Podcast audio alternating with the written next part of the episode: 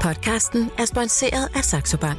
Vil du investere i aktier til nogle af markedets laveste priser på en brugervenlig investeringsapp, Saxo Investor? Hør mere efter podcasten. Millionærklubben fra Jørgen med Bodil Johanne Gansel.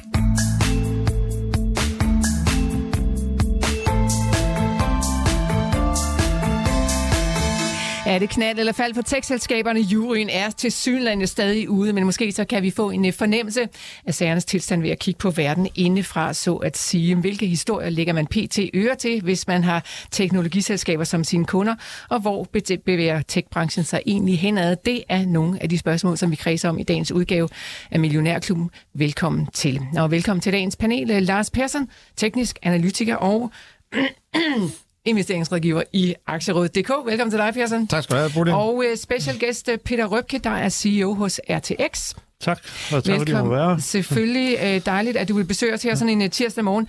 I laver trådløse teknologiløsninger til kunder over hele verden. Hvad er det for en type kunder, I har, Peter? Jamen, det er nogle af de største tech-selskaber. Det er sådan nogle som, som Cisco og HP og Philips Healthcare. Og, uh, vi går primært efter de her top 500 øh, som, som har den, den volumen og den størrelse, at de er interessante for os.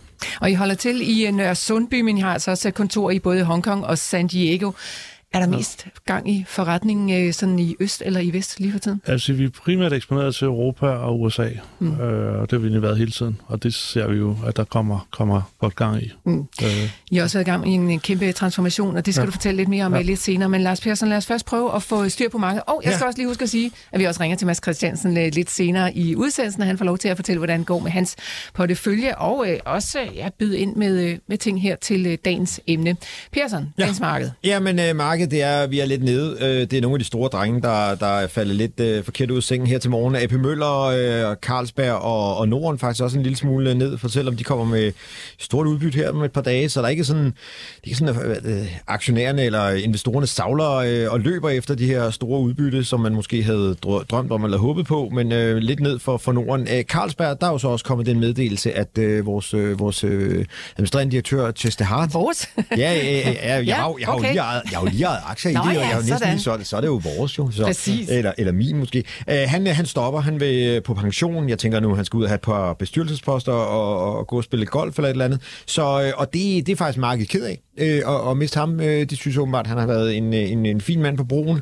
Hvis du spørger vores... Uh, min wingman, øh, Lars Svendsen, så har nok en lidt anden holdning, men uh, den kan vi jo altid høre på en anden dag, når, når vi har ham uh, ved roret. Ja, det vil vi gerne høre på dig. Ja, men uh, tak. Uh, og uh, så, så det er egentlig derfor, at vi, vi falder lidt tilbage, og så er der ikke sådan rigtig store aktier, der, der stiger over i, i, i den danske plusside. Vi har lidt uh, Ørsted, og ja, så, så det, det, det er sådan lidt, uh, lidt spralsk, uh, lidt kedeligt ned ad bakke for danske marked på 0,4, mens de øvrige markeder ligger, ligger lige omkring uh, nullet her fra morgenstund afstanden af, og kigger vi en tur over til USA, så ligger amerikanske futures lige omkring øh, nullet. Det gjorde de i hvert fald lige før vi gik ind i studiet, det gør de også stadigvæk.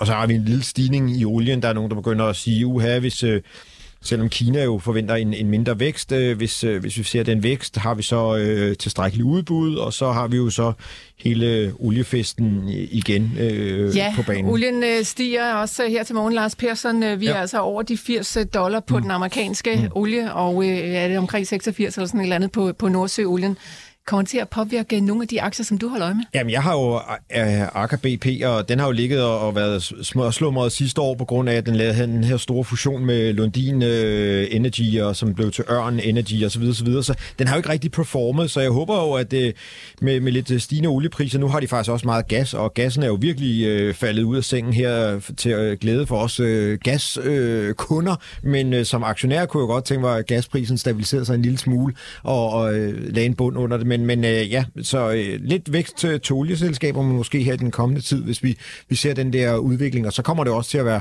selvom vi ser på snevejr derude i øjeblikket, så kommer det til at være driving season, jo kalder vi den jo i hvert fald i USA nu her, hvor øh, vi pusher de gamle amerikanerbiler af. Det gør vi vel også snart i, i Danmark, og de slupper jo en lille smule øh, mere øh, benzin, øh, og, og, end hvad vores øh, egne biler gør i øjeblikket, så der kan jo godt komme øh, lidt øh, øget efterspørgsel. Det plejer ja, der i hvert fald at være. Vi skal måske lidt længere hen mod øh, sommeren. Ja, Ja, det kan øh, godt være. lige præcis det. I Sverige, der har vi uh, Traton, der stiger med øh, næsten 8 procent. De er ude med deres regnskab og ser en vækst i bilsalget. At det er jo lastvogne, det er Scania Man øh, og konkurrerer med øh, Volvo øh, lastvogne, og øh, de ser en øh, vækst på en øh, 5-15 procent øh, i salget i år 2023. Så det er egentlig det, der, der øh, hiver den op, og så også øh, gode øh, resultater. Og i den anden ende, der har vi jo så øh, Zalando, der også er ude med, med tal, og øh, hvis vi lige kan få nogle øh, kurser på den her, så... Så var det lidt, øh, ja, vi har ikke nogen realtidskurser lige nu, men hvad hedder det nu? Øh, det var lidt øh, kedelig, øh, omsætningen var lidt bedre, men marginerne øh, falder, så øh, der er ikke den helt store vækst i, at øh, vi løber rundt og, og køber på nettet, og øh, det ser også ud som om, at, at de har måttet øh, sælge lidt mere på tilbud, fordi marginerne øh, falder en, en lille smule, så øh, ja, det, det, det, er en, det er en lidt presset branche stadigvæk øh, i, i, i den her kan man sige, detailhandel, så øh, vi må se, hvor det bærer hen af med, med dem. Der er også kommet et regnskab fra HelloFresh, og det tager øh, Mads Christiansen også omkring, når vi ja. Ringer til ham lidt senere, så du får lov til at slippe lige der, Lars yes. Persson. Og ellers er det jo altså en dag, hvor vi også venter på en tale fra Jerome Powell. Han skal tale både i dag og i morgen i kongressen. Og det er altså noget, som markedsdeltagerne de holder stærkt øje med i forhold til, om han kommer til at indikere, om det er 25 basispunkter eller 50 basispunkter, der kommer til at være øh, det springende punkt i den næste renteforhøjelse. Lars Persson, hvor er du henne i den øh, debat? Åh, altså, jeg, øh, jeg forventer jo, at det er sådan noget 25 øh, basispoint, og jeg tænker jo, at det kommer til at vare lidt øh, længere tid, fordi vi har jo det her øh, brandvarme amerikanske øh, arbejdsmarked, så, øh, som ikke rigtig vil slås ned. Nu læste jeg lige af Meta, øh, da jeg stod på toget her i morges, sammen med jeg ved ikke hvor mange andre, at øh, hvad hedder det nu, at de vil fyre, de vil lave en omgang mere, hvor de, de fyrede nogen. Så det kan jo godt være, at måske sådan hen over øh, foråret, slut foråret, begyndelsen af sommeren, at vi begynder at se øh, en, en øget arbejdsløshed. Men indtil videre er det jo nærmest prallet af som vand på en gås. Altså de, de folk, de er jo bare blevet suget op og sendt andre steder hen. Og det hører vi jo også hvor når, når folk øh, fra tidligere er blevet fyret, jamen, så er der opstået nogle nye investeringsklynger, noget nyt udvikling, altså Norge, hvor man fyrede i olieindustrien, op i øh, Finland, hvor da, man, øh, da Nokia lukkede øh, lidt ned, jamen, så er de bare blevet spredt ud til nogle andre øh, små og mellemstore virksomheder, der har udviklet noget nyt. Så jeg, jeg, jeg tror, der står nogle øh, virksomheder og, og samler op, og så kan der også være nogen, der bliver innovative og øh, tænker på, jamen øh, hey, så har jeg den her gode idé, den vil jeg så starte øh, op med, så Ja, lad os se, hvor meget der egentlig, øh, hvor, hvor, hvor det ender hen af med, med arbejdsløsheden i løbet af, af sommeren. Og hvor det ender hen med dagens øh, aktiemarked, Lars Persson, øh, lige nu der er aktierne, jeg har simpelthen ikke noget net, så du Nej. må være mine øjne ud på det, ja. på det ægte marked, den virkelige verden. Ja, men altså det danske marked er fortsat øh, nede. Det har rettet sig en øh, lille smule, øh, og no, det er på grund af Norden og Carlsberg og, og øh, AP Møller ikke er så voldsomt nede, og så mangler vi. Vi mangler bare nogle af de øh, lidt større øh, danske selskaber tunge selskaber øh, kommer i gang, men øh, ja, der, der, det, der er lidt stillestand i dag. Stetsen er der ikke her i studiet. Vi har besøg af Peter Røbke, der er CEO i RTX, og vi skal høre lidt om den transformation, som selskabet har været igennem, og selvfølgelig også, hvordan at I ser på tech-udviklingen derude i den store verden. Lars Persson er også med os, så du kan selvfølgelig også blande dig i debatten. Skriv til mig på 42 42 03 21, hvis du har spørgsmål. Husk at starte din besked med Mio, og så smid den altså afsted på sms'en 42 42 03 21. Ja, Peter Røbe, RTX, øh, I bor altså som sagt i, i Nørre Sundby. Hvor mange medarbejdere har I egentlig ansat deroppe? Vi har cirka 200 i Sundby og cirka 100 ude i Asien, og så et par stykker i USA. Mm. Okay, så sådan mellemstor. I, ja. er, I er noteret på uh, midcap-segmentet ja. på Københavns Fondsbørs, bare lige så vi får det på plads. I har eksisteret i uh, 30 år. Det har været 30 begivenhedsrige år, ved jeg. Også de seneste, hvor I altså har måttet transformere hele selskabet over til ja. at blive noget helt andet. Kan du ikke sætte et par ord på, hvad der er, der er sket? Jo, altså vi har jo traditionelt været et firma, der har lavet konsulentydelser, og vi har solgt øh, ja, ingeniørydelser, og øh, en lille smule også produktydelser, og, og det fandt vi ud af, da vi analyserede, at vi faktisk kunne få mere værdi ud af at fokusere 100% på at lave, øh, øh, hvad hedder det, specielt lavet trådløse produkter til de store tekstselskaber. Så det fokuserer vi 100% på nu, og tror, at det er vejen til at, at egentlig skalere og, øh, virksomheden og, og, og fortsætte den her vækstrejse, vi havde på de, de senere år. Så er det produkt, altså hylder, I har liggende på, på nej, produkter, I har liggende Nej, på det, hylden, det, det er eller derfor, vi er er lidt specielle, fordi vi, vi sælger jo ingenting i vores eget varemærke. Det er også derfor, vi er en lille smule ukendte, men vi går ind og hjælper mange af de her store øh, teknologivirksomheder med at, at, at løfte deres produktportefølje. Så når, når, når det rammer markedet, så er det jo deres øh, design, og det er deres varemærke, der står på, men det er også der har lavet det for dem. Mm. Så vi, vi hjælper ind i øh, de firmaer med at fylde huller i deres produktroadmap, når det kommer til, til øh, trådløse øh, produkter. Øhm, og jeg var inde på jeres hjemmeside og kan se, at I, kører ligesom i tre uh, siloer. Enterprise, uh, Pro, Audio og Healthcare. Ja. Hvad ligger der i de siloer? Jamen, Enterprise er, er en klassisk uh, trådløs kommunikation. Det er noget, der er, jo har sit uh, afsæt i, i, i telefoni, men, men mere og mere også, vi ser at blive det her, vi kalder frontline workers. Altså det her med, at det er noget, vi lærte under corona. Det er også noget, som Microsoft har pushet med deres nye Teams med, med push-to-talk-funktionalitet, at, at det her med, at man man kan connecte, og man kan tale med hinanden, ikke bare via en telefon, men via alle mulige typer devices. Så der har vi en unik position for at lave nogle, nogle specielle devices, der for eksempel kan bruges i, uh, i uh, hvad hedder det, um, retail. Det kan også være, det kan også være på hospitaler, det kan, det kan være produktionsfaciliteter og, og alle sådan nogle ting. Så, uh, så det er en enterprise-forretning, der sælger en eller anden type. Så har vi, så har vi vores uh, healthcare, som er patientovervågning. Vi arbejder sammen med Philips Healthcare, hvor vi hjælper med at lave sådan noget trådløs infrastruktur til kritisk patientovervågning, så man egentlig får den her mobilitet med, med patienterne, når de ligger på intensivafdelingen. Det er noget, der har været voldsomt populært under corona, blandt andet, fordi man relativt hurtigt har kunne, kunne øh, bygge øh, intensiv kapacitet op på hospitalerne. Og så er det det, vi kalder pro-audio, som, som egentlig falder ind i to, øh, to øh, hjørner. Det ene er, er til sådan noget trådløs mikrofonkommunikation, altså til koncerter og og forskellige øh, øh, øh, løsninger, hvor man fjerner den her, mikrof- eller den her ledning, der er bag på den her mikrofon, og sætter, sætter en trådløs link op i stedet for. Der har vi nogle, nogle, øh, nogle unikke løsninger til det. Og så det andet er det, vi kalder Enterprise og, og øh, er det ikke Enterprise, hvad hedder det, vi kalder, øh, vi kalder konferenceudstyr og intercom, som, øh, som er sådan, når, når, når arbejdsgrupper skal arbejde sammen. Vi, vi leverer blandt andet øh, til en, en, en tysk producent, der laver de her varsystemer til fodbold, og også kommunikationssystemer til Formel 1, og hvor vi laver inde i Backbone-nettet for, øh, for, for det. Så, så det er altså, den type ting, vi, vi beskæftiger os med. Fodbold, konferencer, koncerter, ja, alt det, der ja. blev ramt øh, under corona. Hvordan øh, kom ja. I igennem den periode? Jamen det er jo også, det kan man jo blandt andet læse i vores regnskaber. Det var lidt hårdt, specielt for det segment. Vi, vi havde det faktisk okay i Elfkær, som jeg lige nævnte. Vi havde det faktisk sådan nogenlunde i, i Enterprise, men det andet her, når der ikke er nogen koncerter, nogen fodboldkampe og alt det, det lå, det lå relativt stille, må man sige. Mm. Der var et lille segment, som var det her YouTube bloggersegment, altså det, det eksploderede så omvendt uh, lidt, fordi at uh, der blev lavet, lavet rigtig meget content hjemme i dagligstuerne, og der havde vi også nogle løsninger, vi solgte ind til, til sådan trådløse mikrofoner, sådan, ud over, ud over sådan standardløsningen på en mobiltelefon. Men det har været underdrevet. Det er heldigvis øh, tilbage, og vi har også set en vis øget efterspørgsel i det segment, fordi der er helt klart et, et vakuum derude lige nu med, med underholdning. Ja, ja. Men du ser altså, at vi er øh, måske ikke helt, men så meget tæt tilbage på det niveau, vi var før Ja, jeg corona. sige, vi vi er lige præcis i det segment, har vi nok oplevet lidt, lidt, lidt øget efterspørgsel faktisk, fordi der har været en, en, en, en, en, ja, der er faktisk en, en, en backlog af, af, af behov der, vil jeg mm. sige, som også uh, trækker på vores produkter. Så uh, hvis vi kigger på de tre uh, siloer, Enterprise, uh, Pro Audio og Healthcare, hvilken en trækker så mest lige nu?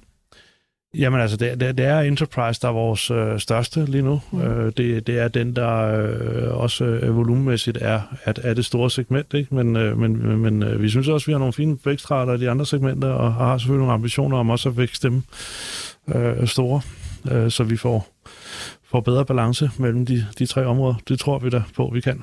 Her i en tid, hvor det jo ellers er ret svært at kigge øh, fremad, Peter, I øh, kom med jeres første regnskab, Q1-regnskabet. Øh, I ikke kører med forskudt regnskabsår. I kom med Q1-regnskabet den 26. i første, og det var sådan set meget stærkt og, og imponerende. Nettoomsætningen steg blandt andet 64 procent, og I fastholder jeres forventninger.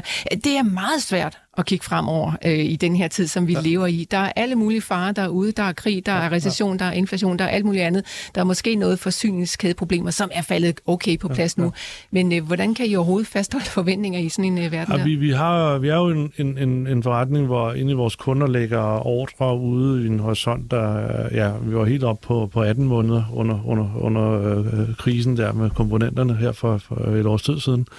Nu er vi på vej tilbage, så typisk får vi sådan 12 måneders forecast for vores kunder, hvor, hvor de så ligger bindende ordre tre måneder frem. Så på den måde har vi en meget god fornemmelse af, øh, hvad, hvad der rører sig derude. Og øh, vi havde jo en kæmpe backlog med os fra, fra coronakrisen og komponentkrisen. Det, det er jo den, vi har leveret på.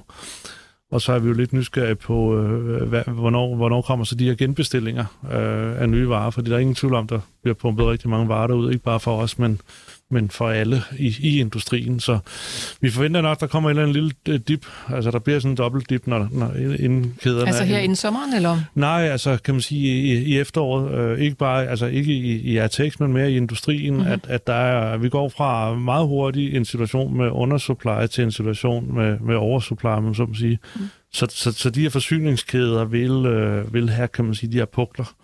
Og lige nu er det som om puklen måske er på vej ud i den slutledet i i det. Øh, og det, øh, det, det, det er jo det, vi selvfølgelig går og monitorerer, og det er derfor, vi guider, som vi gør. Det, der mener vi, vi er sådan en relativt sikker grund. Øh, men det er også derfor, vi ikke lige nu føler, at vi er der, hvor vi skal ud og opjustere, fordi vi har ikke fuld visibilitet til, hvornår er det egentlig, vores kunder kommer igen og bestiller nye varer. Er det i fjerde kvartal eller i første kvartal? Det har vi simpelthen ikke god nok visibilitet lige nu. Og okay. det afhænger selvfølgelig også af, hvor meget afsætning de har øh, i, i, i slutenden. Så det er der, vi er. Hvor, hvor hurtigt kan I egentlig skrue op og ned for, for sådan en efterspørgsel? Altså, Jamen, altså, hvor, hvor, når, når folk kommer, altså hvor kører man så i treholdsskift, eller Jamen, det, skruer det, det man bare der, hvor vi heldigvis for... er på vej tilbage til ja. normalen. Ikke? Der var jo, vi havde nogle frygtelig lange ledetider, kan man sige, helt op til halvandet år på, på nogle ting, øh, hvis vi går et par år tilbage. Ja. Og der begynder vi at være tilbage til det her, jeg sagde på, med, med, med, med, med tre måneders øh, responstid, ikke? At, at vi egentlig kan få skaffet varer og producere nogenlunde i den tidshorisont. Så. Ja. Og det er, det er sådan normal over. Det var der, vi var, inden, inden corona og alt det ramte os. Ja. Vi skal selvfølgelig også lige have en uh, teknisk analyse af ja. RTX-aktien, og Lars Persson, du har den hjemme har den. i din egen aktieskov. Ja. Det skal vi lige huske at sige, yes. sådan så du på en eller anden måde jo er fedtet ind i det der. Det må man sige. Så vi har rene linjer her. Ja. Men uh, mens du lige finder den der kurve frem, så kunne jeg bare tænke mig at spørge dig, Peter. Du står også lige nu i en situation ja. ude, en uh, et CFO, ja. uh, Morten Axel Petersen, han valgte at stoppe. Det blev meldt ud den uh, 28. i anden, og nu er der altså sat en proces i gang for at finde en, ja. en ny CFO. Hvor lang tid forventer I, den proces kommer til? Altså nu, nu er Morten jo ikke stoppet. Altså han er her faktisk til udgangen af maj, mm. øh, og øh, så må vi jo se, hvad processen øh, leder til, men vi regner der med, at vi, øh, vi kan, vi kan øh, få, få løst det problem. Er dit indtryk, det er let nok at finde folk derude? Øh, det, det er aldrig øh, nemt at finde gode folk, mm. men, øh, men øh, det tror vi godt, vi kan. Okay. Jeg ville have kunnet før, så det tror jeg også, vi kan nu. Okay. Og, og jeg skal også kunne sige, altså det er jo ikke er ikke sådan, at verden holder op med at snurre rundt, fordi at vi mister vores CFO. Det har vi også gjort før, så det kan vi også godt håndtere. Ah, men det kan godt være, at Morten ja. ville have, at det skulle være sådan. Nej, det tror jeg også, Morten har et ret, Ej, ret, ret, ret realistisk syn på. Ja, så, så, men det er klart, det skal selvfølgelig løses, og det er vi i gang med at løse, men, men der er ikke nogen panik. Der er ingen, der er uundværlig. Nå, Lars Persson, rent teknisk, hvordan ja. har RTX-aktien det så? Jamen efter, øh, den har jo været en sivende tendens fra øh, ja, august øh, 20, så fandt den en bund her i øh, oktober 22, hvor den var under 120 20, ikke? og øh, dengang var den over 280, da den øh, toppede i sådan, er der sådan noget glædesrally i der i august måned øh, 20. Og så er den jo sådan øh, stille og roligt hakket sig op. Øh, vi, vi skal have gang i motoren, og det kan vi jo høre, vi har fået igen, og det kan man også, når man læser regnskabet, se. Så det, men, men det er stadig sådan lidt bombi, øh, så, så den har lavet øh, en stigende bunde og, og stigende toppe, så, og der er jamen, køb i i alle modeller. Øh, og som du selv siger, jeg har den derhjemme, så øh, jeg er meget bias, øh, så pas på. Øh, så, så ja, og, og, og det er jo også det både jeg læste regnskabet og så teknikken, så, så jeg, jeg ser jo et interessant udvikling, og, og når jeg drømmer højt, kunne jeg da godt tænke mig, at den kommer op i 200, øh, hvor den var øh, i august øh, 21, og øh, tager jeg lidt øh, mindre voldsom overkrydder, så er det sådan noget 170 til at starte med i hvert fald, øh, så, så det er inden for det niveau, hvor jeg ser øh, aktien hen af, hvis vi kan holde kadancen, øh, nu siger jeg vi, for jeg er jo aktionær, mm. men, men hvis de kan holde aktionær, øh, kadancen over hos RTX, og, og det ikke bliver for mange øh, stop og start. Det, det er jo sådan det, jeg lytter til. Jamen, kan man skrue op og ned for at, øh, at få produkterne, og det, det kan man jo ud til hylderne, og så det, det er jo det, jeg, jeg går og lægger mærke til. Og det er jo også derfor, vi har inviteret dig i dag, Peter Røbke, fordi vi gerne vil kigge ja. lidt fremad. Det er jo det, vi gør, når vi er aktionærer. Ja. Du vil sige noget, kan jeg se? Ja, men det var bare, fordi jeg lige vil kommentere på det, du siger, fordi jeg tror, du har fat i noget helt centralt, når vi kommer til, til performance af RTX. Altså det her med at være i flow. Mm det er der, vi performer aller, aller, aller bedst. Og ja. det var jo egentlig det, vi var en meget, meget, meget lang periode før corona. Og så, så var der de her udefra kommende, kan man sige, omstændigheder øh, om, omkring øh, specielt halvleder øh, supply chain øh, globalt, som, som jo så har givet os den her bumpy road. Og, og det er jo det, vi kæmper hårdt på at komme tilbage i flow, fordi så tror vi egentlig på, at vi har, øh, vi har øh, gode muligheder for at performe godt. Mm. Men det er klart, at de der bumpy roads og de der ophobninger, som jeg også prøvede at sige før, at i, i, i leverancekæderne, det, det, det, det, det sætter sig i performance, øh, ikke bare for os, men for alle i, øh, i industrien. Ja. Det er tirsdag i Millionærklubben. Ja. Jeg besøger Peter Røbke fra RTX ja. og Lars Persson her i studiet. Vi ringer til Mads Christiansen lidt senere, du kan stadigvæk blande dig i debatten 42 42 03 21, hvis du har spørgsmål eller kommentar. Husk at starte din besked med Mio. Hvorfor spille tiden i et supermarked, når I kan gøre det nemmere for jer selv? Men nemlig erhverv håndterer vi jeres indkøb, så I kan bruge tiden på det, der virkelig betyder noget i jeres virksomhed. Nemlig også til erhverv. Og Peter, jeg lavede et lille break der, fordi jeg synes, vi skal bevæge os fra sådan uh, kun, at uh, det skal handle om RTX til, at det sådan handler lidt mere bredt om markedet og om udvikling i uh, teknologiselskaberne, fordi det ved I jo sådan set noget om, fordi ja. I har mange af dem uh, som kunder. Først og fremmest, uh, hvor koncentreret er jeres kundebase? Er det sådan en eller to eller tre store, der ligger og trækker det meste, altså en eller anden form for sårbarhed ja, der vi, i vi den har, retning? Vi har vel, vi, da jeg startede RTX for, for, for seks år siden, der havde vi primært en stor kunde mm. og et par stykker lidt mindre. Nu, nu har vi hvad siger, sådan 5-6 stykker, som, øh, og, og, og vi arbejder hen i retning af at have i hvert fald 10, som, som, som er, er øh, man siger, signifikante i vores, vores omsætning. Øh, så, så vi har mere spredning på det. Vi har arbejdet gennem hele nedlukningen her og coronaperioden på at egentlig styrke den her produktportefølje med de her kunder. Det er derfor, vi også er blevet ved med at investere og holde kan man sige, vores, vores omkostningsniveau stabilt, fordi så har vi kunne, så har vi kunne kan man sige, bygge de her produktporteføljer op med vores kunder. Så vi, vi tænker, at vi i løbet af de næste par år kommer til at have en, en, en, en bedre, endnu bedre spredning på, på det, og måske har de her 10, 10 uh, stort bidragende kunder. Og så, så er vi knap så eksponeret, uh, som, vi var dengang, jeg startede virksomheden, hvor, hvor det primært var halvanden kunde, vi, der drev læsset. Ja, det lyder lidt sårbart. Ja, ja, ja. Men hvad er det for en markedsudvikling, som I ja. oplever lige for tiden, øh, der er derude blandt de her store tech-selskaber? Jamen, vi oplever, vi oplever, og der er vi specielt, kan man sige, i de amerikanske, og, og, og måske også lidt i de centrale europæiske, at, at, at selskaberne bliver mere og mere bevidste om, hvor de, hvor de lægger deres egne investeringer i, i, i nye initiativer. Og det gør, at, at de bliver mere motiveret for også at gå ud og finde partnerskaber. Det er egentlig noget, jeg ser. Kompleksiteten i hele, hele industrien vokser jo hele tiden, og øh, mange af vores kunder vil gerne flytte flere investeringskroner op i, øh, i, øh, man sige, øh, i software og på upstream og analytik og øh, kunstig intelligent og alle de her ting. Og øh, det gør jo så, at de skal finde nogle partner til at og løse nogle af de andre problemer, de har, og, og udfordringer, de har haft.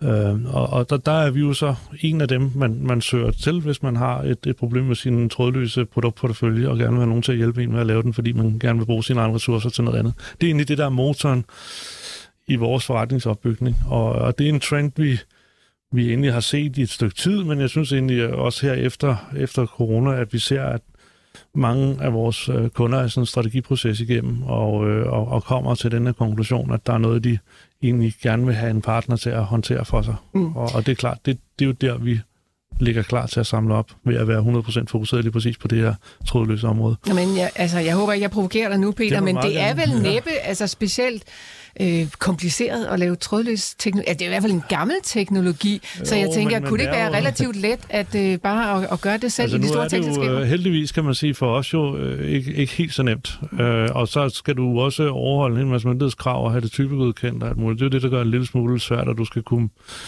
overholde kravene, selv når du har lavet en million eksemplarer et eller andet. Øh, og, og det gør, det gør at, at det kræver, kan man sige, en vis viden og en vis kompetence. Mm-hmm. Og øh, der, der udnytter vi jo lidt, at vi arbejder på tværs af mange kunder. Det vil sige, at vi har nogle synergier på tværs, som vi kan, vi kan udnytte øh, mellem kunderne. Hvor hvis kunden selv skulle lave det, jamen, så, vil, så vil han også kunne have lidt for mange folk til at kunne løfte opgaven. Ikke? Så det er jo den, vi udnytter endelig, kan man sige, de synergier, der er, fordi vi kan høste den på tværs af, af, af de kunder, vi betjener. Der er mange kan det, som I kan derude i verden? Jamen, der er ikke rigtig nogen, der lige har en model, der er 100% med til, uh, til den, vi laver. Enten har vi, uh, enten har vi nogle konkurrenter, som, som også sælger under deres eget varemærke, og så har de sådan noget ODM-forretning ved siden af. Uh, og så, og, og, så, og så er der jo mange, der gør det selv, og det vil sige, det er faktisk en af vores store konkurrenter, det er hvor, de, de interne udviklingsafdelinger i mange af vores kunder. Ikke? Og, det, det er jo, og dem, der har deres eget varemærke, de kommer jo i, lidt i konflikt, fordi de med, med, med, med deres ODM-kunder, fordi altså, så kommer ODM-kunderne lige pludselig til at konkurrere med, med dem selv, om man så må sige, øh, fordi der så er brandede produkter ude i markedet også. Så, så vi er egentlig de eneste, der kører sådan en, en, en, en clean øh, model, hvor vi egentlig, øh, hvor vi egentlig kan man sige, øh, servicerer 100% kunden og hans, hans varemærke, øh, og ikke har et konkurrerende produkt i markedet. Men øh, kan I se på jeres ordrebøger, at pengene rent faktisk øh, sidder løst hos de her store tech-selskaber, eller bliver der strammet op nu, hvor det er lidt sværere tider? Uh, jeg synes aldrig, at pengene er siddet så løst, som du får det til at lyde. Men altså, der er der en interesse for at snakke med os, og, og vi, vi, kan da, vi, kan da, vi kan da lukke nogle fornuftige aftaler. Mm. Øh, men det er klart. Men du har aldrig haft en drøm om at lave det, nogle af dine egne varemærker? Altså sådan, ja, det tror jeg, man skal passe meget på, ja. øh, når man er i, i den model, vi er, fordi så kommer du lynhurtigt ud i, i, i de der konflikter. Mm. Øh, fordi det øjeblik, vi vil for eksempel gå i markedet med, med, med, med et branded produkt, så vil der være rigtig mange af vores kunder, der vil sige, jamen så vil vi sådan set ikke arbejde med mere, for mm. nu er vi så lige pludselig konkurrenter. Øh, så det skal man være meget bevidst om, hvis man, hvis man tog det skridt, og, og, og vi føler egentlig, at vi, vi, har, vi har rigeligt at gøre med at og, og egentlig være de der strategiske partnere mm. øh, med de der store, store selskaber. Ja. Men Peter, inden du, du kom i studiet, der øh, ved jeg, at du fortalte mig, at branchen, altså tech-branchen, ja. sådan generelt set er ved at, øh, eller har konsolideret sig. Kan du ikke fortælle, hvad det er, der ligesom er foregået over i den store tech-branche? Jo, men altså, der, der sker jo, det, det, jeg ved ikke, om det er noget nyt, men, men altså, der har jo altid været sådan en tendens til, at man, man, øh, man, man fokuserer øh, længere ud i fremtiden, og så får man ligesom samlet nogle, nogle teknologier op og, og organiseret dem i nogle, nogle, nogle kloster og konsolideret det, og det det vil set inden for vores område, det vil også set inden for rigtig, rigtig mange andre områder. Og, og der er vores mission, som er jo at gå ind og samle, samle det op og hjælpe, hjælpe med det. Øhm, og, og det er det, der er vores forretningsmodel, og det kan vi se, der er rigtig, rigtig god interesse for. Og jeg ved godt, det er et virkelig unfair spørgsmål, ja, ja. men nu får du det altså alligevel. Har du indtryk af, at øh, det går godt, eller ikke går så godt i øh, den store tech-branche? Jamen, jeg tror generelt, det går godt. Altså, nu, nu snakker vi jo lidt om fyring og sådan noget. Jeg, jeg, jeg tror jo, det, det, det er jo ikke fordi, at, at, at branchen er på vej ned, men det er måske mere, fordi man har nogle budgetter, der, der er givet til nogle højere vækstrater, end det, man så måske ser ind i lige nu, og så laver man nogle investeringer. Øh, jeg, jeg, tror ikke, jeg tror ikke, at vi, altså, at, at vi lige pludselig ikke skal bruge sociale medier, eller at trådløs kommunikation ikke er moderne mere, eller sådan noget. Det, det tror jeg sådan set er kommet for at blive, men, men det er selvfølgelig klart, at når vi går ind i noget, hvor vi er lidt usikre på, om der er recession, så, så, så er der måske nogle budgetter, vi er gået ind med, som, som var mere aggressive øh, vækstmæssigt. Nu snakker jeg tech, nu snakker tech-selskaberne, og så går man ind og laver nogle korrektioner på det, for ikke at komme i klemme. Det, det, du kan også se, hvis man kigger på de procenter, der bliver afskedet lige nu, det er sådan nogle voldsomme tal i, mm. i dansk kontekst, men hvis man kigger på det i forhold til den samlede medarbejder øh, skar øh, i, i sådan nogle firmaer som ja, Microsoft eller Cisco eller et eller andet, så er det jo relativt små procenter, der bliver, der bliver påvirket. Ikke? Så, så der, jeg, vil, jeg vil betragte det som korrektioner. Mm. Lad os øh, drage endnu ja. en investor ind i den her debat. Hvis I lige tager et headset på, så kan I nemlig øh, høre, hvad han har at sige. Mads Christiansen, godmorgen og velkommen til. Godmorgen, Bodil. Tak. Fondchef i New Deal Invest og også porteføljeforvalter her i øh, Millionærklubben. Øh, Mads, øh, ja, vi, vi kalder dig ikke tech-investor mere, men du investerer gerne i de selskaber, som, øh, som er gode til innovation og disruption. Når du lytter på sådan en snak her om RTX, og vi taler wireless teknologier eller trådløs teknologier, er det, kan det falde ind under dine, hvad skal man sige, dine kasser, det som du holder øje med, når du skal investere? Jamen, det, den interessante snak, som jeg synes, at, at der også skinner igennem her, det er jo det her med, at, hvad er tech egentlig? Altså, øhm, er, er, er trådløs teknologi, det, det er i hvert fald teknologi på den måde, at, at det er sådan noget, der er lidt svært at forstå, og, og, og der er en masse af det, vi kalder teknologi involveret i det. Men når vi snakker investeringsobjekt, er det så sådan cutting edge, nyeste teknologi, øhm, hvor at, altså netværksindustrien øh, og sådan noget havde jo sine heydays måske tilbage før årtusindskiftet, hvor de her virksomheder voksede op, og den her teknologi var crisp og, og ny, og var det, der ligesom ændrede måden, vi levede på.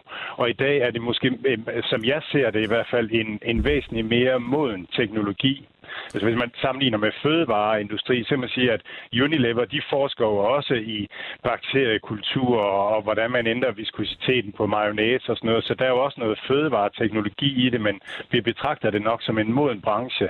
Og der vil jeg måske sådan sige, at, at det her det er måske ved at være over i det modne, hvilket også afspejler vækstraterne i for eksempel Cisco, som, som ikke vokser særlig meget mere. Og RTX vil jeg måske også synes var sådan en, en lidt mere moden virksomhed end en, en GARP-virksomhed måske. GARP, som betyder growth at a reasonable price. Og det er jo fordi, vi godt kan lide at putte øh, aktier ned i sådan nogle kasser, fordi så kan vi bedre forstå med, er det en vækstaktie, er det en value-aktie, er det en GARP-aktie? Du mener altså, at RTX er i den kategori, vi kalder growth at a reasonable price? Ja, det, det, vil være, det vil være sådan mit bud også, det her med, at det er en moden teknologi, og hvis man ser på, øhm, det, og jeg kender ikke RTX så godt, men, men mit, mit, mit hånds, det er, at, at det er rigtig meget er sådan et, et operationelt øhm, et maraton, hvor man konkurrerer med nogle andre virksomheder, der laver de samme produkter, og man prøver hele tiden at komme med nogle bedre produkter, og, og det betyder rigtig meget, at man eksekverer godt øh, som virksomhed, hvor det ikke så meget er det, at man kommer med, med det nye produkter, måske konkurrere med, med non-consumption, altså at man åbner et marked, som folk ikke før havde tilgængeligt. Altså, vi, vi har trådløs teknologi mange steder, og så, så kommer det ind nogle nye steder og forbedrer nogle, nogle produkter rundt omkring, men, men, men det er sådan godt øh, penetreret derude. Mm. Som jeg øh, tillader mig lige at tage lille side det er noget, som øh, kunne ligne noget i sådan en analyseteori. Altså, hvis vi skal kigge på nogle af de her selskaber, Value, Excel, Garskab, hvilke, altså, er der forskellige, hvad skal man kalde det, målemetoder til at valuation på? Ja, altså øh, hvis man har mod, med modne virksomheder at gøre, så er det rigtig meget PE, det drejer sig om. Altså hvor meget, øh, hvad er markedet i forhold til, hvor mange øh, penge, der bliver kastet øh, af sig. Øh, og så betyder det rigtig meget, at man kan købe lidt billigere eller reducere produktionsomkostningerne og sådan noget. Så det, det er rigtig meget fokus på bundlinjen. Hvis man så bevæger sig skridt tilbage til det her GARP-segment, så, så er det virksomheder, der, der vækster noget mere. Og der kan man bruge, nogen bruger den, den, den, den der hedder price earnings øh, growth øh, ratioen, PEG ratioen, hvor man sådan ligesom prøver at lave en ratio ud af sammenhold øh, PE i forhold til væksten, sådan at, at man accepterer en lidt højere PE, hvis væksten er, er god. Uh, og så når man kommer over i vækstsegmentet, øh, nej, til GARP, altså det man så vil fokusere på der, det jeg vil fokusere på der, det var den konkurrencemæssige situation. Er der nogle gode voldgrave, som kan gøre, at når man bliver moden, at, at så kan man have nogle høje bundlinjemarginer, øh, uden at skulle, øh, altså hvor, hvor det er nemt at forsvare den omsætningsbase, indtjeningsbase, man har skabt. Og det er sådan her på det her gardniveau, at, at man udbygger de der voldgrave, udbygger sin, sin situation. For eksempel også det her med at ikke at være for, for koncentreret i, i, øh, i kunde, altså at kunderne, man ikke har for få kunder, sådan at man har for dårlig øhm, dårlige, øh, dårligt øh, forhandlingsvilkår i forhold til sine kunder, sådan at man står sikkert øh, i det segment i markedet, man står på. Det er sådan GARP-tiden. Og så over i væksttiden, der handler det jo om, at man har et, et, et nyt produkt og, og penetrerer et nyt marked på en, med en ny måde at organisere værdikæden eller en ny teknologi. Og der, der kan man sige, der investerer man alt, hvad man tjener. Øh, så der kan man ikke rigtig bruge bundlinjen til så meget, fordi at man, man har ikke nogen bundlinje. Øh, så der, handler, der tænker man på, hvad kan det her blive værd øh, ned ad vejen? Øh, og det kan vi, når vi kommer over til Hello Fresh, så kan vi prøve lige at, at, at tage den med det. Mm-hmm. Okay, så det, der taler vi øh, price sales, øh, tænker jeg, når vi er over i vækstsiden. Ja, og så, og så hvad, kan, hvad, kan en, hvad, kan, hvad kan man, når virksomheden er moden, hvad kan man så tjene per, per, per toplinje øh, krone, man omsætter for? Okay, ja, det var bare lige lidt, øh, lidt spændende teori her. Øh, price sales til øh, vækstselskaber, price earning til value-selskaber og PEG til, til gap-selskaber. Altså, så fik vi lige den. Øh, Peter Røbke Madsen siger det her med, at øh, det også handler om, hvilket voldgrav, som I er i stand til at ja, grave rundt om selskabet. Giver det mening i, i dit hoved, når han taler om ja, det på men, den måde? Men jeg er jo meget enig i, i betragtningen, og du siger, vores øh, grund til at være her, og det er jo, at, at vi udnytter jo lige præcis det her, at vi øh, den konsolidering, der er, og, og, og det her med, det er måske en mere moden teknologi, men også, at, at vi så betjener nogle kunder, som jo søger de her partnere, og øh, som, øh, som så jo øh, også er på vej, kan man sige, videre øh, i, i deres fokus. Og, og, og det er jo det, vi samler op, og det er jo derfor, vi jo vækster mere og kan vækste mere end, øh, end markedet, fordi den her konsolidering, der ligger vi egentlig bagved og samler, samler øh, rigtig, rigtig meget forretning op øh, i vores lille niche her. Ikke? Mm. Ja. Tilbage til dig, må jeg Mads. sige noget Ja, til det? ja. Ja. Øhm, altså, det, der, der er også sådan en tendens til, at, at nogle store virksomheder, de fokuserer rigtig meget på den del af deres omsætning, som giver høj øh, bruttomarginal. Mm. Så, så store virksomheder vil rigtig gerne trække sig fra sådan noget, som måske øh, virker lidt mindre attraktivt og har lidt lavere bruttomarginal og sådan noget. Det er det, man kalder innovators dilemma, og det, det var meget det, jeg hørte, da, øh, da Peter Røbke han talte om det her med, at, at virksomhederne hellere vil lade, lade RTX øh, gøre det, og det, det tror jeg virkelig kan være en, en solid medvind ned ad vejen. At, at det virker mere attraktivt at bevæge sig over i software-segmentet for virksomhederne. Det mindsker deres arbejdskapital og, og bedrer deres cashflow på kort sigt, men, men jeg tror ikke, det er nogen fordel for dem på lang sigt. Ja, Ja, fordi samtidig så befinder vi os jo også i en verden, hvor der er mange virksomheder, øh, globale virksomheder, som trækker alting hjem, fordi man er bange for den risiko, der er ved at være, altså få produceret sine ting øh, rundt omkring øh, andre steder i verden. Og det kan godt være, at Danmark ikke er det mest øh, svære sted at lige få produceret varer, men øh, ikke desto mindre. Peter, hvad siger du til det? Ja, for det første tror jeg, at vi bliver betragtet som hjem i, mm. i den logik, og, og vi prøver, kan man sige, øh, produ- produktmæssigt at, at sørge for at bygge nogle partnerskaber op, altså produktionspartnerskaber, som ikke nødvendigvis er, er Kina. Det er noget, vi arbejder på, netop for at kunne leve op til specielle øh, amerikanske krav, øh, og, øh, og, og højst sandsynligt også nogle krav, der, der bliver, bliver hårdere her i, i, i Europa. Ikke? Mm. Det, det tror jeg. Okay, Øh, Så det prøver vi at gøre os robuste overfor. Glimrende. Ja.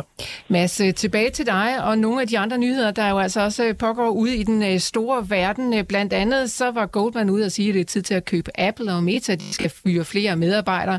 Og så er der jo altså også en masse ting, der foregår over i AI, kunstig intelligens, som jeg ved, du holder øje med. Du, faktisk har du sagt til mig, det er egentlig det mest interessante, der er lige for tiden. Det er noget med Microsoft og Bing, der står på spring for at få fat på mobil, mobilbrugerne. Hvad handler det om? Jamen, Microsoft har jo været ude at sige, at, at nu, nu, kommer, nu kommer Bing øh, til, til mobiltelefonerne. Øh, telefonerne. og, og Microsoft er jo effektivt lukket ude fra mobiltelefonerne. Øh, man har ikke adgang til mobiltelefonerne. Det, det står Apple for via iOS og øh, Google for via Android. Øh, og search på mobiltelefonerne, det er Googles øh, fuldstændig. Jeg tror, det er to tredjedel af, af søgninger, øh, som foregår på, på mobilerne. Så når man snakker konkurrence om søgemarkedet, så er det mobilerne, der er interessante. Og Google betaler faktisk Apple øh, et eller andet pænt stort beløb for at, at være den, den indbyggede søgemaskine på, øh, på, på Safari, på, øh, på, på, på, øh, på Apple-telefonerne. Så, så Google sidder på det der. Øhm, og så kommer, så kommer Microsoft og siger, kære venner, ved I hvad nu? Øhm, Bing, den, kan, den kommer som en app til, øhm, til mobiltelefonerne, så, så kan I bruge dem der. Og det vil sige, så kan I lave jeres søgninger via, øh, via Bing og, øh, og deres browser Edge, øh, som også kommer til en app til mobiltelefonerne. Og det tror jeg bare ikke lige, altså jeg tror bare ikke lige, at Google og, øh, og Apple, de synes, at, øh, at, at Microsoft, de skal til at distribuere via, øh, via mobiltelefonerne øh, deres produkter. Så jeg tror, der er lagt op til sådan et, et interessant øh, slagsmål øh, Øh, på det her, og det er jo noget, der ikke, ikke rigtig er sådan noget rigtig god lovgivning omkring. Det er noget gammel lovgivning, der er omkring internet og platforme og sådan nogle ting, og Apple vil sige, at Apple vil finde et eller andet, tror jeg, ved, ved Bing-appen, der siger, det, det er altså ikke sikkert for brugerne at bruge det på den her måde, så det, det bliver nødt til at gøre på en anden måde, og Microsoft vil, vil selvfølgelig have det testet og sådan noget. Jeg tror bare, der er lagt op til det helt store slagsmål omkring øh, distributionen af søgning på, på mobiler, hvor Microsoft prøver at bruge, bruge Bing-appen som sådan en trojansk hest i det. Og Mads, kan det så gå hen og blive en langvarig kamp, eller er det sådan noget, der bare sådan er næsten lige fra den ene dag til den anden kan skifte, fordi brugerne lige pludselig finder ud af, at nu er noget andet altså smartere end at uh, google? Jamen, det er det jo. Altså, det er jo det, der har drevet hele, hele de sidste, altså alle de her megacap-selskaber, det er skiftet til, til det mobile internet. Øhm, så det er, det er en kæmpe, kæmpe lunds, øhm, som, som, som de her store virksomheder virkelig vil, vil kæmpe hårdt for at bevare kontrollen over. Mm. Og det er, for Google er det jo eksistensgrundlaget. Altså, det er det, de tjener penge på. Det er search, og to tredjedel af det er på internettet. Mm. Øh, og det er der, hvor de potentielt kan holde Microsoft væk. Og det er jo så kunstig intelligens, det, det handler om en, øh, et element, som jo i den grad også er blevet talt rigtig meget om her, både i Millionærklubben og i, øh, i danske medier i det hele taget. Men Mads, vi taler så om det i går i Millionærklub, men det, der måske stadigvæk er lidt svært for mig at forstå i hvert fald, det er, hvordan eller hvor øh, værdien af de her AI-ting øh, skal materialisere sig fremover. Har du noget bud på det? Ja, altså i første omgang, så er der jo store omkostninger ved det. Det er dyrt at levere AI. Der skal, der skal nogle chips til, og der skal noget strøm til, og der skal også noget, noget data ind, for at man kan træne AI-modellerne. Og så når man skal lave um, interference, lave, lave um, uh, inference, når man skal lave konklusioner på det, så skal man også have noget data ind. Så, så det er dyrt at levere. Um, men hvis man ser på sådan, hvis, hvis der skal tjenes penge på et eller andet produkt, jamen, så skal der være på en eller anden måde en kontrol over værdikæden på det produkt, sådan at man kan sætte nogle priser, og der må ikke være for meget konkurrence. Og jeg tror, det der med AI-modeller, der har vi Microsoft, som har OpenAI, og vi har øh, Google, som, som også er førende inden for, for det her øh, AI. De kommer også med nogle modeller. Så har vi øh, Nvidia, som kom ud på deres sidste regnskab og sagde, at nu, nu laver de også en, en øh, AI-platform, som, som virksomheder faktisk kan gå til og bruge relativt nemt. Så der er allerede tre store leverandører af AI-modeller derude. Så har vi Apple. Mine børn, de taler hele tiden med Siri. Øhm, Apple er sådan vertikalt integreret igennem værdikæderne, og Tesla er også vertikalt integreret igennem værdikæderne. Så der er ikke nogen stor virksomhed, der rigtig kan løbe med, med det her AI, ligesom Google kunne løbe med søgning, og øh, Facebook kunne løbe, løbe med social media. Men, men det er der ikke her, så jeg tror ikke, der bliver, der bliver ikke sådan de høje marginaler her. Jeg tror, der bliver benhård konkurrence, og det bliver, det bliver dyrt øh, i mange år. Men der, hvor, hvor det lige pludselig er skiftet til, at der er noget proprietært på nettet, altså noget, noget nogle virksomheder ejer, det er datasegmentet. Øh, nu kan man ikke bare høste data frit på nettet. Så de, de, øh, de virksomheder, der har kontakten med kunderne, øh, fintech, betalingsløsninger, e-commerce, platforme, distributører. Microsoft også distribuerer til virksomhederne. Alle de virksomheder, de høster data på, på deres kunder og har noget proprietært, og det er det AI-modellerne skal bruge. Så jeg tror, at hvis man skal investere efter at, at tjene penge på AI-bølgen, så skal man investere efter de virksomheder, som, som, som har den her 1P-data, som man kalder den. Mm. Gør du det, Mads? Har du nogle af dem i din portefølje? Ja, det, det kan du tro. Det er, det, det er sådan meget det, er meget det vi kigger på øh, lige nu. Øhm, og, og, og prøve at tænke på, hvordan er det. Men, men det er jo, altså, det er jo e-commerce øh, platformene, fintech-platformene. Okay. Siger. Og Mads, øh, ja, ja, altså Saxo Bank har desværre lige en lille bitte smule problemer med at vise hele din portefølje, så man kan altså ikke lige i dag i hvert fald gå ind og se, hvad det er, du har liggende. Der ligger ret meget, så vidt jeg husker. Øh, hvor mange aktier har du øh, pt. liggende i millionær? Jeg tror, jeg har 40 cirka. Ja. Det er jo helt crazy, Mads. Jeg siger det bare. Der skal handles lidt frem og tilbage. Der er nogle kortagekroner, der øh, gør ondt vel et eller andet sted.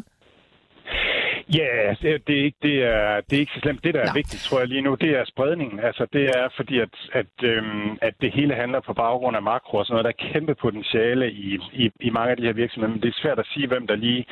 Det, det handler om, hvem der bliver profitable. Det er ja. det, markedet vil have lige nu. Okay. Du er op med 14 procent, øh, som jeg ser det lige nu, over på Saxo Banks hjemmeside. Man kan altså google Saxo Bank og så Millionærklubben, så kommer alle porteføljerne op undtagen masse, så til sidenlandet lige for tiden, men den er altså ikke lige tilgængelig, men man kan se, hvem der er, der fører, og det er altså Lars Svendsen, der ligger forrest i konkurrencen. Han har med 24. Igen, ja, 24 procent. Øh, Michael Friis Jørgensen klarer det sådan set også meget godt. Han er op med 21 procent. Og Lars Persson, du er også med i plus i hvert fald op ja, ja. med, øh, med 5 procent. Sådan ligger landet altså på lige præcis den. Mads, øh, tilbage til det, som øh, der også rører sig på sådan en øh, tirsdag morgen her. Netop et par regnskaber, som er landet. Jeg ved, at du har kigget ned i Hello Fresh's regnskabstal. Hvordan ser det ud? Jamen, de vokser 18 procent i, øh, i, i, i, i constant currency, i, i, i, i, i valuta øh, neutralt, øh, i lokal valuta. Øh, og det er, det er fint.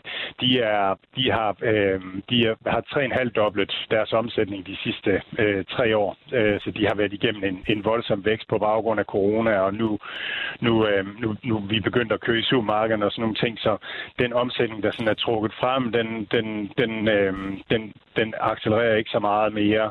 Men Øh, de, de garder for, at, at H1 øh, bliver sådan relativt flat, og så, øh, og så ser de en, en begyndende acceleration igen i, i H2. Og det, der er interessant, det er, at de løser det her problem med, at vi skal have mad på bordet på en anden måde. Øh, og det, det bygger de ud. De investerer, de, de er cashflow positive øh, og investerer i at udbygge øh, forskellige forretningsben. Og det fede ved Hello Fresh, det er, at de er dels er de globale, de har en masse markeder, og så har de også nogle forskellige forretningsben. De har noget, der er klar til at spise, det skal bare i mikroovnen, så har de øh, deres meal kits, som skal øh, skæres op og så videre, så de kan vælge, hvor de vil investere øh, deres penge. Og sidste år har de investeret rigtig meget i, i at udbygge deres øh, ready to eat, altså det, der bare skal varmes i USA og i Australien. Øh, og det er, det er vækstet godt. Så det er, det er sådan en, en langsigtet øh, god øh, vækstcase, øh, som, som jeg ser det. Ja, masser. Det er selvfølgelig stadigvæk øh, Øh, et relativt nyt marked, som de bevæger sig ud i. Altså, det er der ikke så mange år siden, at vi begyndte på det der med at bestille mad på den måde. Øh, så der er sikkert masser af markedsområder, der ikke er blevet dækket endnu. Men øh, melder regnskabet noget om, hvor mange kunder, der vender tilbage gang på gang? Fordi sådan helt anekdotisk, så hører jeg altså, at folk, når de har prøvet det i en periode, måske 3-6 måneder, ja, så har man ligesom prøvet det, og så vil man gerne prøve noget nyt. Ja, altså det, der er øh, sådan kendetegnet for branchen lige nu, det er, at deres vækst kommer fra, at, at, de, at, at orderstørrelsen stiger. Så, så de, de, de faste kunder, de har, de, øh, de bestiller mere og mere. Men, men man kan også se, at når man ser på kohorterne, sådan kunder, der kommer ind i det år, det år, det år, at, at, at for hver kohorte, de bygger ovenpå, jamen så bygger de en, en kundebase på. Men det er klart, når man har hævet en masse kunder ind øh, på et-to år, jamen så, så, så vil øh, øh, så vil det, det betyde meget, relativt meget, når, når de kunder holder op med at, øh, at bestille mere. Så det, det præger regnskaberne lige nu. Mm. Hvis vi lige skulle trænge tråd til det der med, med, med hvordan sådan en vækstvirksomhed, hvordan man kan kigge på tallene, så, så er, øh, så er HelloFresh's EV sales, altså cirka deres price sales, øh, den er 0,5 øh, og de siger, at, at, øh, at når de er modne, så vil de kunne have en EBIT-margin, altså en bundlinjemargin på omkring 10 procent. Øhm, så, så hvis man sådan tænker på formatal, så, så bliver det sådan en PE på omkring 6-7 stykker, hvis, hvis virksomheden var moden, hvis det er, at de fortsætter den her vækst. Så man kan ikke bruge det til noget præcist, men det er bare sådan cirka øh, der, det er. Og hvis man kigger på, er, jeg ser HelloFresh som en consumer packaged goods øh, virksomhed, så hvis man kigger på øh, Kraft Heinz eller Unilever eller sådan noget, så ligger de på en EV sales, der er fem gange højere, men selvfølgelig også en moden virksomhed med et stærkere brand og en mindre, mindre risiko. Mm. Men HelloFresh vokser, så tænker jeg, kommer til at vokse de her omkring 20 procent, 25 procent på sigt. Vi får se. Mads, der er kommet et spørgsmål ind til dig her på sms'en. Der er en lytter, der skriver, good food, og nu også Hello Fresh er faldet voldsomt. Hvor stort et tab udgør de i New Deal Invest? Ikke ret meget. Øh, vi er sådan, vi er ret diversificeret øh, i, de, i de her, og specielt øh, de små selskaber. HelloFresh er, er en af vores store positioner, og den føler jeg også er, er sikker, øh, en sikker position. Men, men, men det, er, det er det, der ligger, når man investerer i vækstsegmentet, og, og, og være bredt øh, investeret. Øh, fordi nogle af de her selskaber vil ikke klare den. Sådan, sådan er det. Mm. Øh, og nogle af dem vil, vil have en kæmpe stor opside. Og du er altså op med 14 procent i Millionærklubbens portefølje. Hvordan ser det ud over i New Deal Invest, Mads? Vi er, øh, efter februar var vi op med 26 procent, øh, og så er vi, jeg tror, vi er et par procent oppe nu her i starten af, øh, af marts måned. Okay, så øh, ja, hånden på kogepladen, sådan er det her i Millionærklubben. Mads, vi siger tak til dig, fordi du var med her til morgen. Det var en fornøjelse. Og der er også kommet et spørgsmål ind til dig, Peter Røbke fra RTX, som stadigvæk er med os her i studiet. Der er blandt andet en lytter, der spørger, hvor meget fylder konsulentdelen i dag i omsætningen? Øh, ingenting. Nej, okay. Det er vi, simpelthen helt øh, Vi har en model, det kan vi også læse noget mere om på hjemmesiden, så det er med at gå, gå i detaljer, men hvor vi typisk tager et konsulenthonorar, når vi laver en ny produktportefølje for, for, for, for, for eksempel Cisco, øh, primært for at sikre, at kunden også har hånden på kogepladen men det er ikke noget, vi uh, tjener penge på. Det er mest uh, hånden på kogepladen og noget cashflow support uh, i den periode, hvor vi så ikke rigtig tjener så mange penge på kunden. Okay. Ja. Men det er ikke noget, der kommer til at vokse, eller det er nærmest... Det er ikke det, så, så du vil altid, hvis du skiller vores uh, regnskab ad, kunne se, der er det, vi kalder NRE, altså Non-Recurrent uh, Engineering uh, Revenue, øh, som, som er det her konsulentfee. Det vil altid være der, men, men andelsmæssigt vil det være, være noget mindre, end det har været tidligere. Mm. På, på grund af, at, at det er en del af modellen. Og så endnu et spørgsmål om RTX, men det er til dig, ja. Lars Persson, mm. for der er en lytter, der godt kunne tænke sig at vide, om RTX kunne være eller blive til en opkøbskandidat. Altså, bliver de, kunne de blive overtaget af nogle andre? Øh, ja, det kunne de vel egentlig godt, øh, hvis, øh, hvis der er nogen, der kan se en fordel i at have dem i forretningen. Altså, de gemmer sig jo lidt øh, bag øh, alle de andre, ikke? Så, øh, og som øh, Peter også har været inde på, Øh, vi, vi skal ikke begynde at brande os med et eller andet øh, RTX, øh, øh, fordi så, så var der være nogle af kunderne, der forsvinder.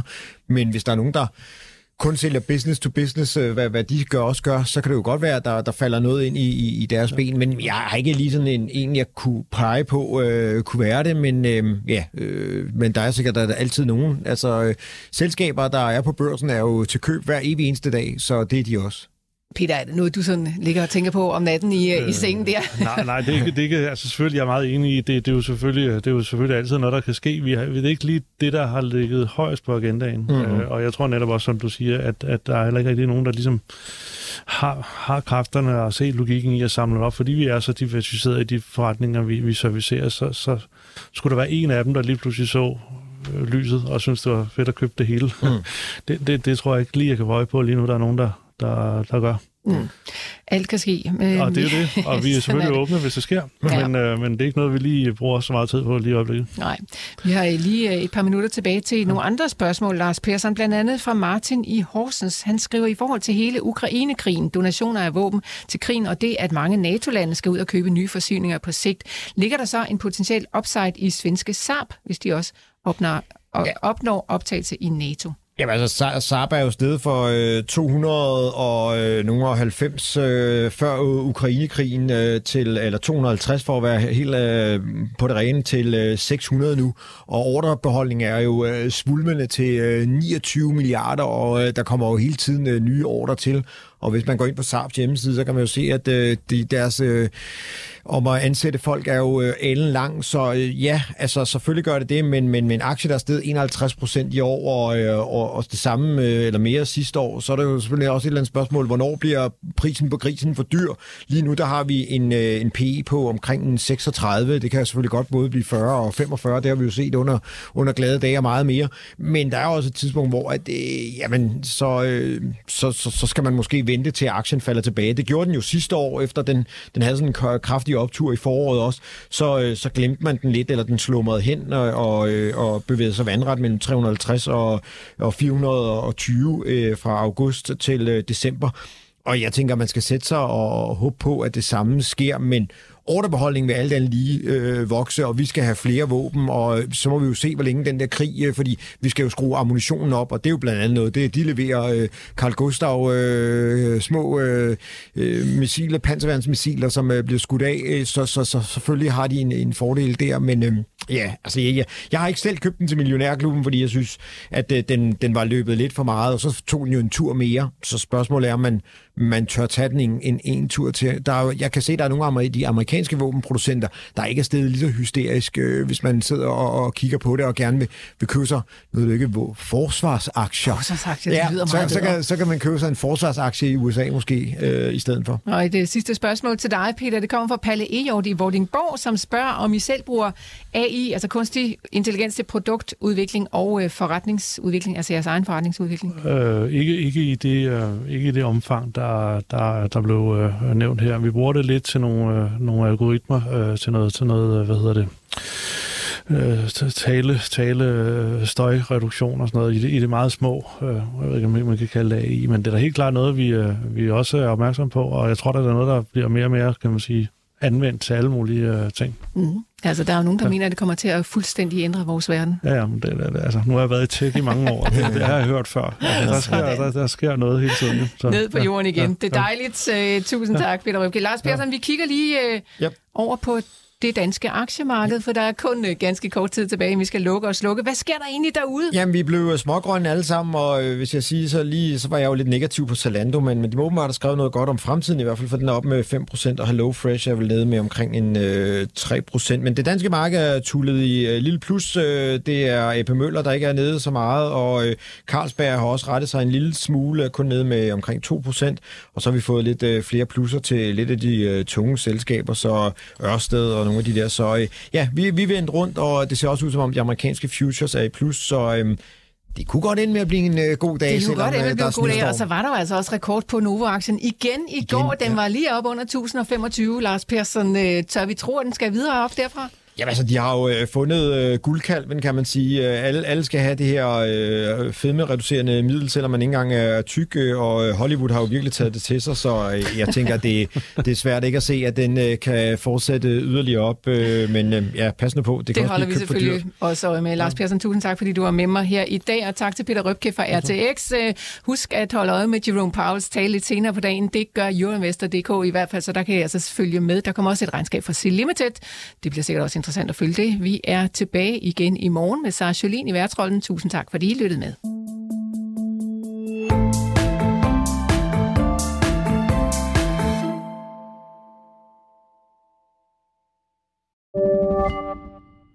Millionærklubben var sponsoreret af Saxo Bank. Gør det godt i din virksomhed? Hos Saxo Bank kan du få dine overskydende midler til at vokse med en investeringskonto, hvor du også kan få op til 3,05% i positiv rente uden binding. Det er nemt og gratis at oprette en konto. Der er ingen konto og depotgebyr, og der er ingen binding, så du kan altid investere eller trække dine penge ud. Kom i gang allerede i dag på saxobank.dk.